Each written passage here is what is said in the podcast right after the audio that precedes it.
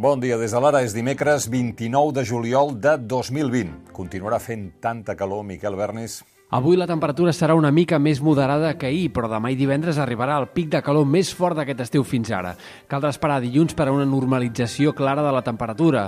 Dia de sol i només nuvolades de tarda al Pirineu. La justícia espanyola, una combinació de Suprem i Fiscalia, han suspès el tercer grau de cinc presos polítics, de manera que Romeva, Junqueras, Forn, Sánchez i Cuixart han tornat a entrar a la presó a petició de la Fiscalia. Forcadell, Bassa, Rull i Turull també esperen una decisió similar sobre ells. Una manifestació va acompanyar-nos a les portes de Lledoners. Ens hi tornen a tancar perquè ens tenen por. Ens tenen por perquè a les urnes ells no guanyen. A les urnes guanyem nosaltres i saben que només ens poden guanyar si prohibeixen les urnes, si fan servir eines no democràtiques, perquè en la democràcia els campions som nosaltres. No us deixeu aigualir el somni. La geu joves sou el futur i teniu tot el dret del món a desobeir. No teniu cap obligació a obeir lleis injustes. No tingueu cap por a la presó, no tingueu cap por a la repressió, perquè només si no tenim por serem capaços d'en sortir-nos com a poble. Aquesta decisió, com deia, ha estat eh, de la Fiscalia i s'ha produït perquè el Tribunal Suprem va canviar les regles de tothom només per poder tornar a la presó als presos del procés, la qual cosa demostra que són presos polítics. Què en diu el govern espanyol d'aquest pas de la Fiscalia, tenint en compte allò de Pedro Sánchez de de quién depende la Fiscalia del gobierno? Doncs, com a tota reacció, tenim un, una sèrie de tuits, un fil de tuits de Pablo Iglesias, un dels quals diu Sospito que molts ciutadans tornaran a tenir la sensació que la justícia no sempre és igual per a tots. Doncs la sensació no, vicepresident, en tenim la convicció. Com diu David Fernández en aquest article, absolutament malaltissa, completament desbocada i terriblement venjativa és la ideologia que mou el clan dels fiscals i acaba, dubto molt que hagin guanyat, però sí que sé que ens han perdut.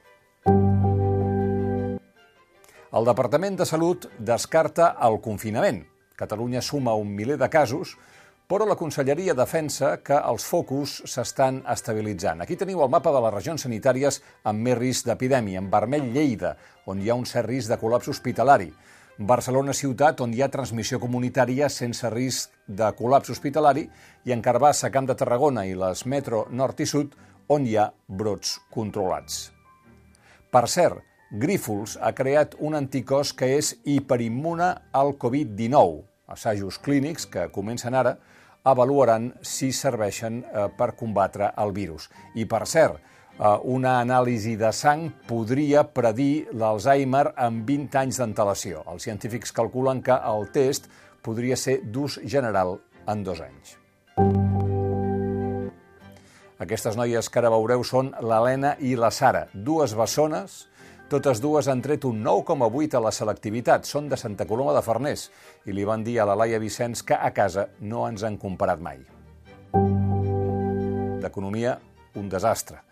El Covid-19 ha destruït més d'un milió de llocs de treball a Espanya sense comptar els ERTO, segons les eh, dades del segon trimestre.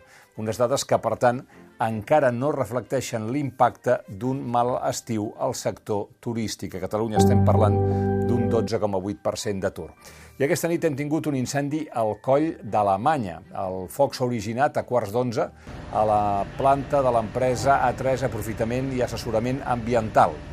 Les flames sembla que han començat en un prestatge ple de piles de liti. I aquests són ja de matinada els bombers que han apagat l'incendi descansant com bonament poden, ja ho veuen, amb la feina feta. Ja se sap qui substituirà Mònica Terribas al capdavant del matí de Catalunya Ràdio.